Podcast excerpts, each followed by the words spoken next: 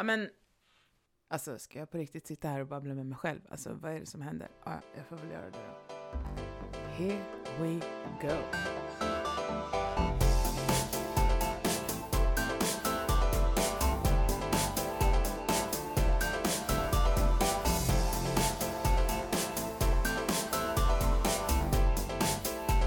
Välkomna tillbaka till Gastric Fantastic Podd med Milla och Mimmi. Men, twist. Idag är det bara Mimmi här. Så att, eh, gang, what's up? Jag tänker att idag så får ni, idag får ni hänga med mig liksom. Och jag tänker att vi ska snacka lite. Det är ju ibland så här att man tänker att man har, man har det så bra planerat allting.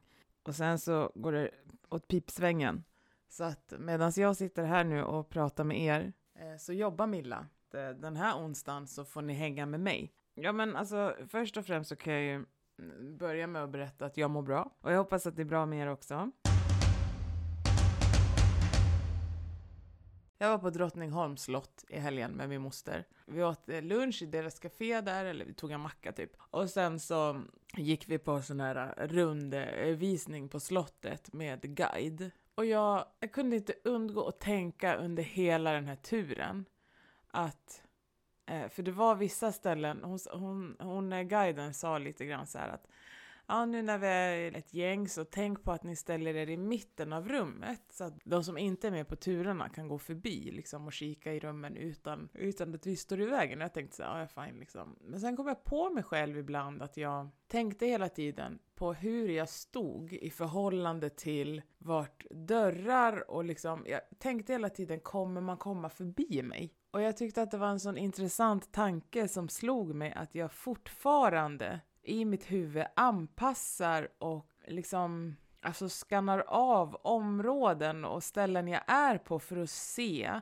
så att jag och min kropp inte ska hindra någon från att få komma fram. Och det får ju mig då att tänka på hela det här äh, viktstigma och, och fetmafobi och för att någonstans så, alltså vi lever ju i ett samhälle eh, som jag tror någonstans uppbyggt på att är du tjock så är du i vägen. Och det är så inprintat i mitt huvud. Så att jag kom på mig själv där på slottet. Att jag ställde mig så att jag inte överhuvudtaget skulle kunna vara i vägen för någon som vill gå förbi. Jag har tänkt på det här så mycket just för att jag betedde mig så som jag betedde mig där.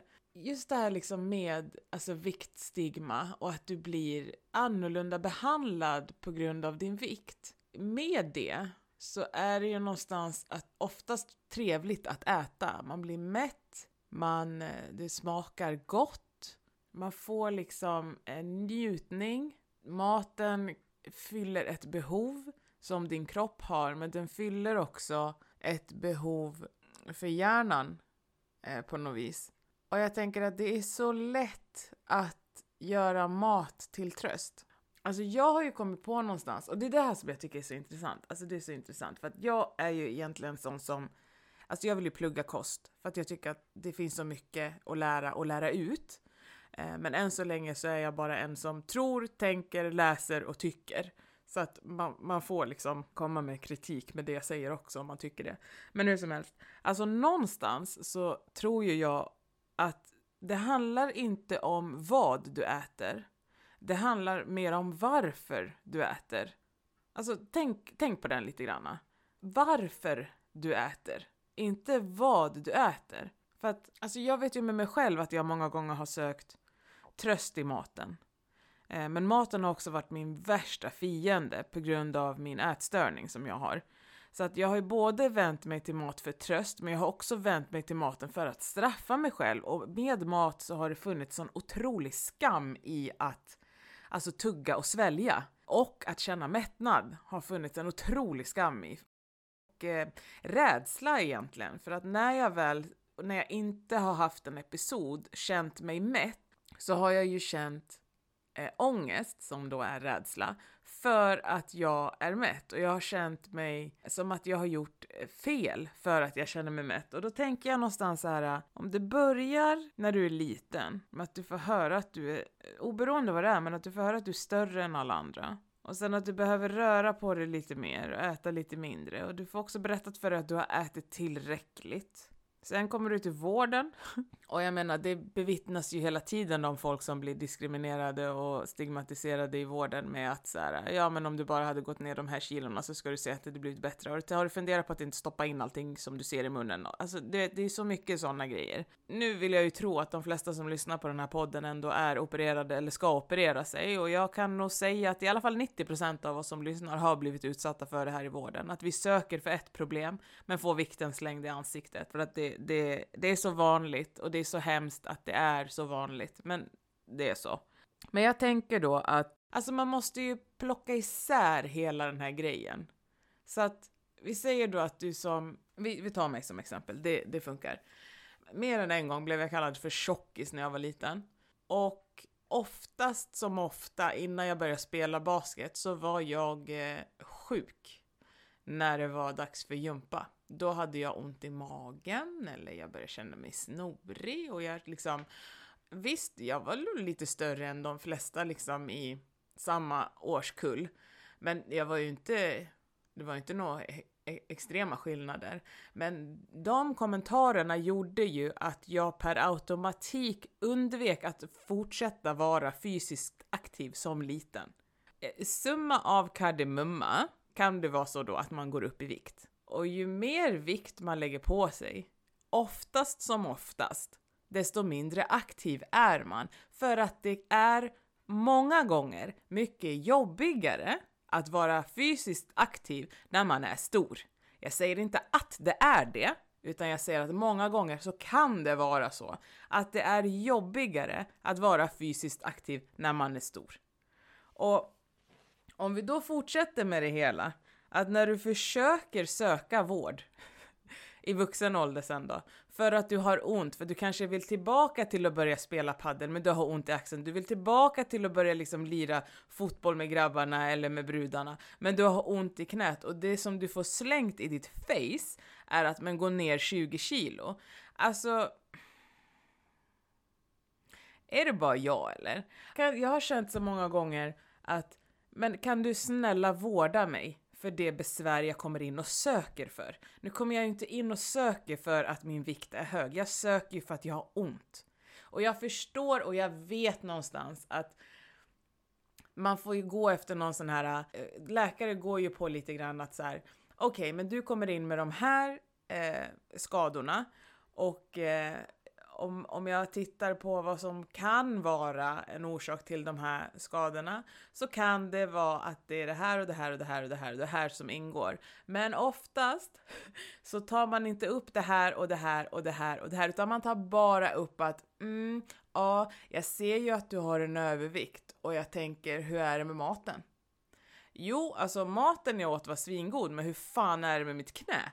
Ibland så kan jag tycka att det är så tråkigt att med all den bevisningen som finns så fortsätter man att hela tiden prata om vikten och det är absolut inte nu att man inte ska få ta upp vikten som en riskfaktor för att man kan, för att det kan vara en bidragande faktor till att man har ont. Men gör mer, snälla. Alltså gör mer. Titta inte på en människa och bedöm därefter. Utan prata med människan som att det faktiskt är en person ni pratar med och inte bara en kropp. För det är så tröttsamt. Och jag ser att det fortsätter att vara den här typiska liksom fetmafobi, fetmastigmatiseringen. Och just i vården, där man ska vända sig om för att få hjälp, inte för att bli dömd liksom. Sen måste man ju på ett väldigt, alltså genuint och bra och professionellt sätt från professionen kunna ta upp och diskutera att det kan vara en riskfaktor med då om man har vägt personen högt BMI. Men du kan inte, liksom, man, kan, alltså man kan inte ha en patient sittandes i en stol utan att ha gjort en undersökning och sen säga till den patienten du borde gå ner 20 kilo. Jag kan inte, alltså det måste ju hela professionen fatta att det är ju helt käpprätt åt helvete fel. Men det tror jag att man fattar. Alltså jag hoppas ju det i alla fall. Alltså annars är det ju nog riktigt. Men jag tycker att det är så intressant med det här att det handlar om Alltså varför du äter. Varför väljer du att äta när du är ledsen? Varför väljer du att äta när du är glad? Varför väljer du att äta när du inte är hungrig. Och många gånger om jag, om jag ska försöka se till mig själv så är det ju att jag har valt att äta för att det fyller ett behov hos mig. Alltså det fyller, det fyller en känsla som jag har om jag känner mig ensam så känner jag mig inte ensam medan jag äter. Om jag känner mig uttråkad så känner jag mig inte uttråkad medan jag äter. Om jag känner mig ledsen så känner jag mig inte ledsen medan jag äter. Alltså det har ju fyllt ett behov. Det är det som har varit en del av min ätstörning, att det har fyllt ett behov. Men när det behovet sen, sen är fyllt så har jag fått skamkänslor och mått otroligt dåligt för att jag har ätit när jag vet att min kropp inte har behövt energin. Och ja, och då är det ju någonstans så här, alltså stigman och allting, alltså det hjälper ju till på vis. Och det var det som var, det var också en grej att jag kunde äta ganska, ganska stora portioner, men ibland kunde jag inte äta stora portioner alls. Men det var också en så här väldigt intressant grej med att eh, vara över, eller att jag är, numera är överviktsopererad. Och det är det här att känna en mättnad. Och det, var, det är inte det här äh, jag är så mätt. Alltså den mättnaden jag känner idag är jag är nöjd. Jag vill inte ha mer. Även om det är gott så vill jag inte ha mer. Jag är nöjd nu. Och det är någonting som jag aldrig trodde att jag skulle få känna. Att jag skulle få känna mig nöjd när det finns mat kvar på tallriken. Jag visste inte ens att det fanns. Utan jag har ju trott att människor runt omkring mig som inte har ätit upp, att, att det har varit en ätstörning åt andra hållet, att säga nej men jag kan inte äta upp för då kommer jag bli tjock. Ja, nej men alltså det, jag tycker det är så, alltså mat, jag tycker just mat och relationen till mat tycker jag är så otroligt intressant. Hur påverkade blir vi också av samhället, vad vi ser, vad vi får för reklam, utan att vi tänker på det.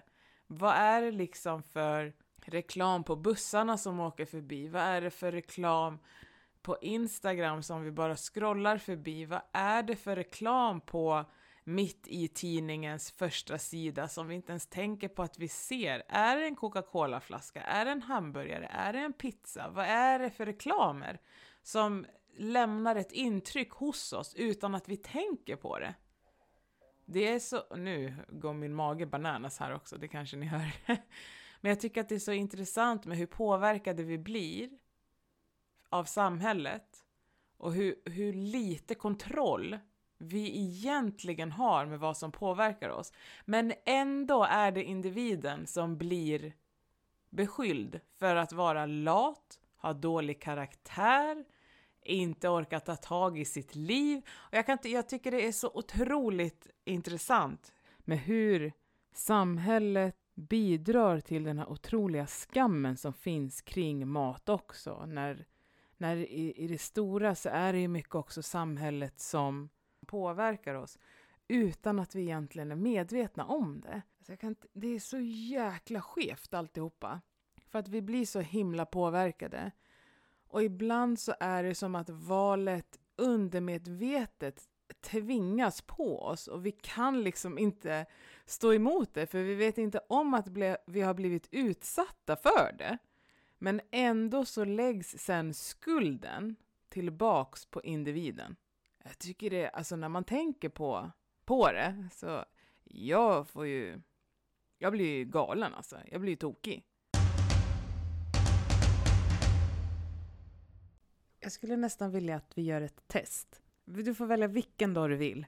Men en dag den här veckan så vill jag att du skriver ner varje gång du ser någonting som har med mat att göra. Om det så är frukt, nötter, godis, söt, vad det än är. Skriv ner så vill jag veta hur många gånger om dagen som du blir utsatt som kan påverka ditt sätt att äta. Skriv ner det och lämna det som en kommentar under dagens poddbild, för jag vill veta hur många gånger när man tänker på det man faktiskt råkar ut för den här typen av marknadsföring.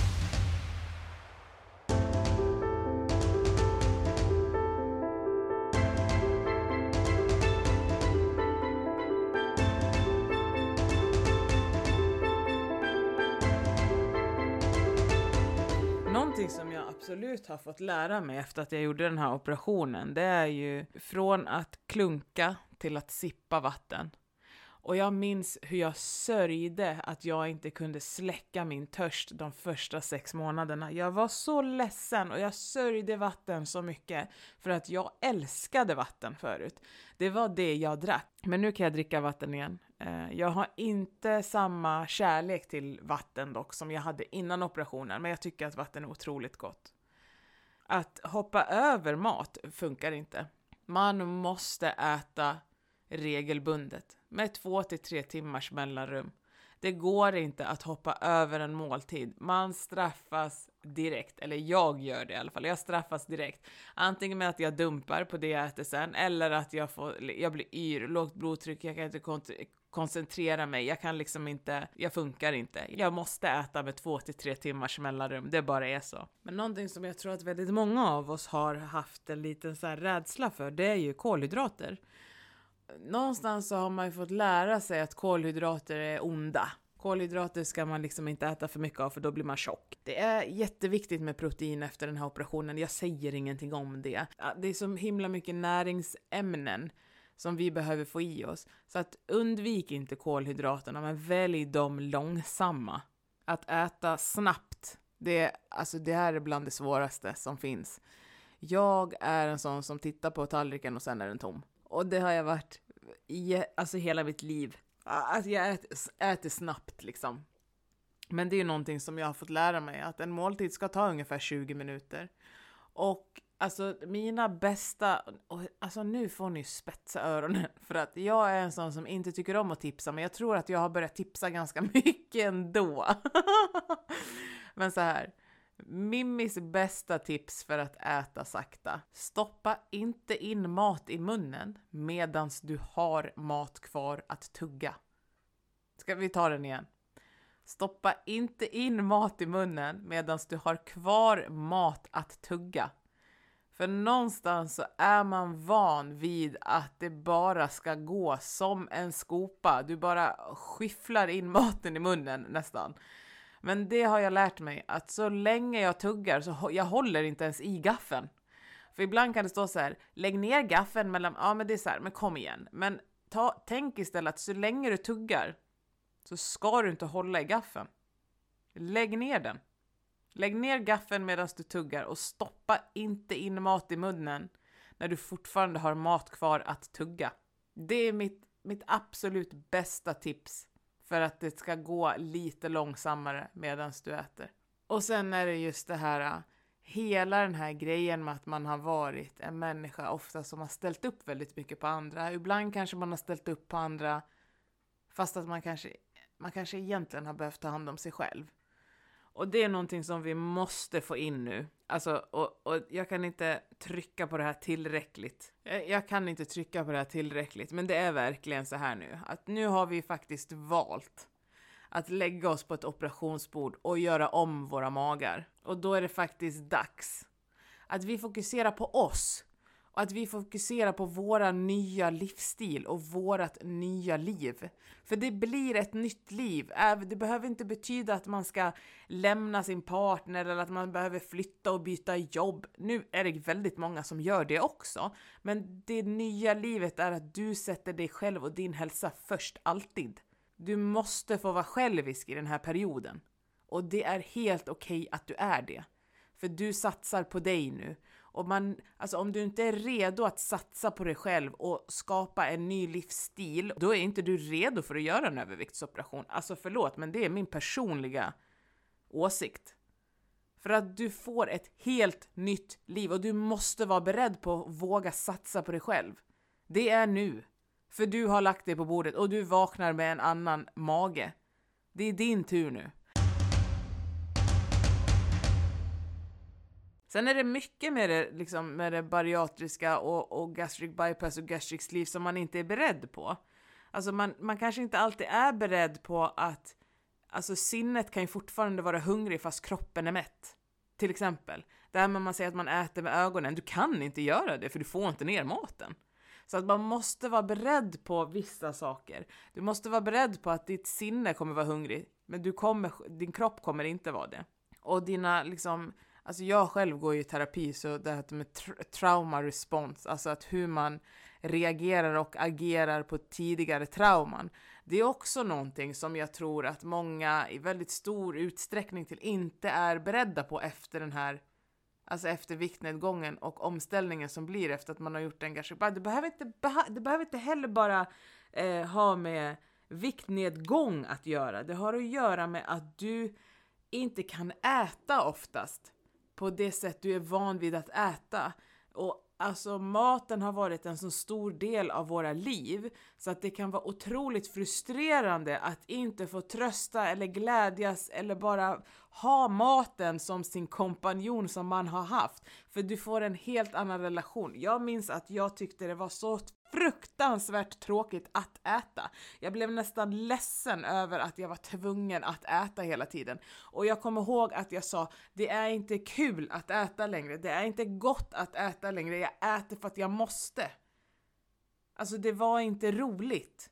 Jag har ju alltid sett mat som gemenskap, glädje, inte alltid, i vissa fall på andra sätt, men de flesta gångerna har jag sett mat som gemensamt, glädje, gott, kul, vi lagar, vi äter, vi njuter, vi... men nu var det bara att du behöver idissla kossjävel. Och precis när man känner att man har svalt den sista tuggan, fått i sig det där jävla glaset med vatten, då var det dags att äta igen. Och det var inte kul.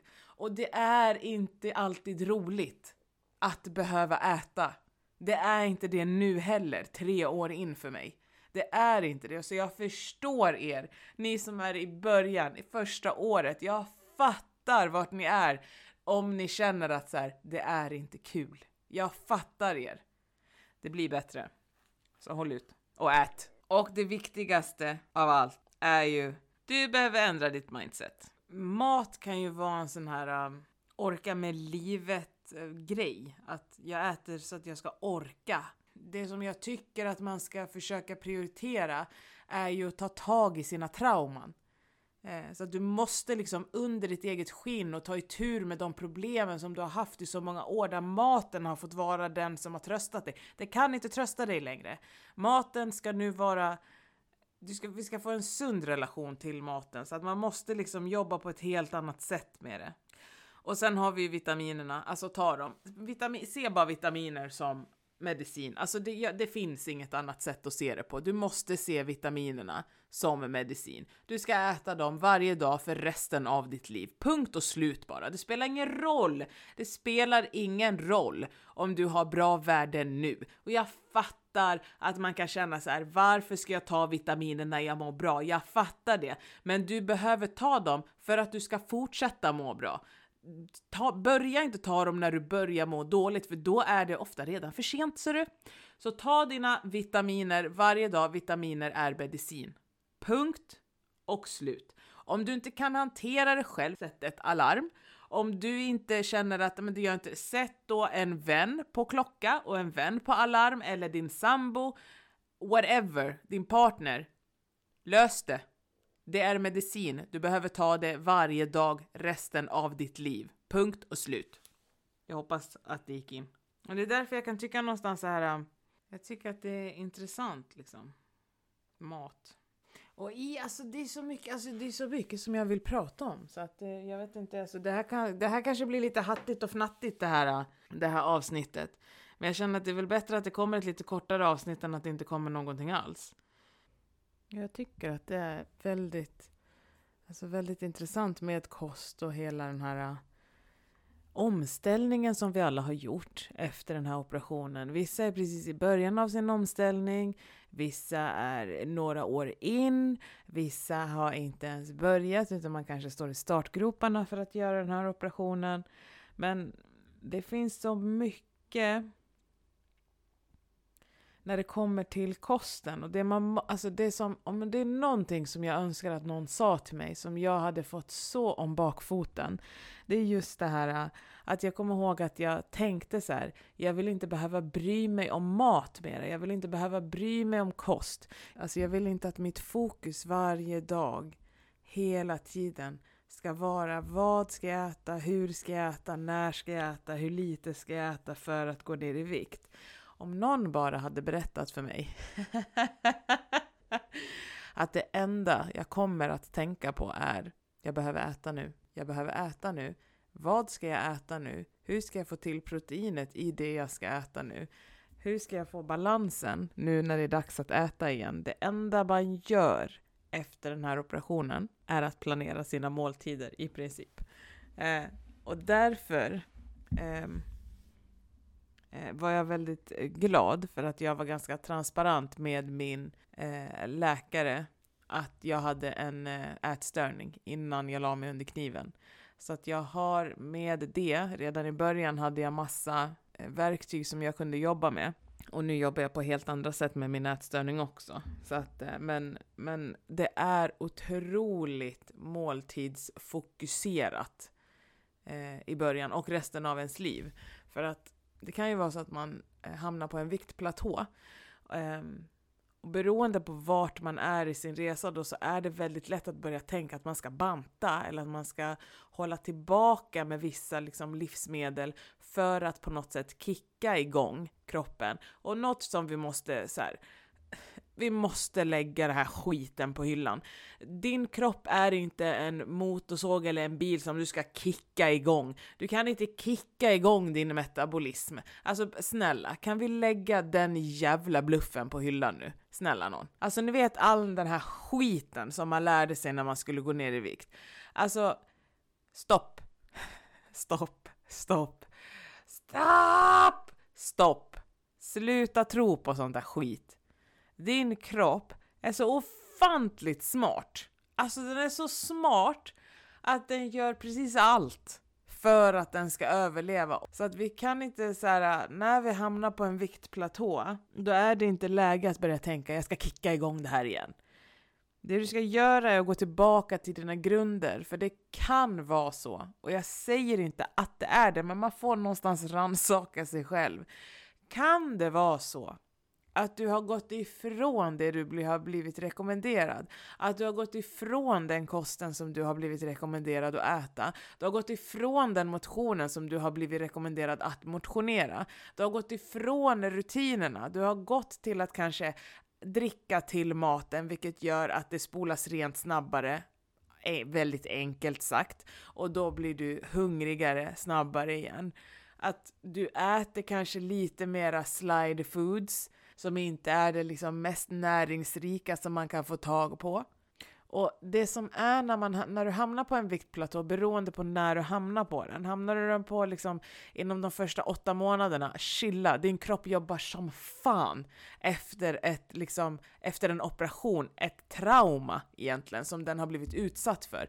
Din kropp jobbar så ända in i helskotta. Jobba med din kropp, försök inte att liksom motarbeta utan fortsätt med dina mål, fortsätt med proteinintaget, fortsätt också med att mixa upp med kolhydrater, fetter och bra grönsaker och fortsätt med din vätska och fortsätt med dina vitaminer. Försök inte kicka igång någonting, stäng av den där jävla bantningshjärnan för den gör ingen nytta just nu efter den här operationen. Den gör ingen nytta överhuvudtaget. Den skälper mer än vad den hjälper. Stäng av bantningshjärnan.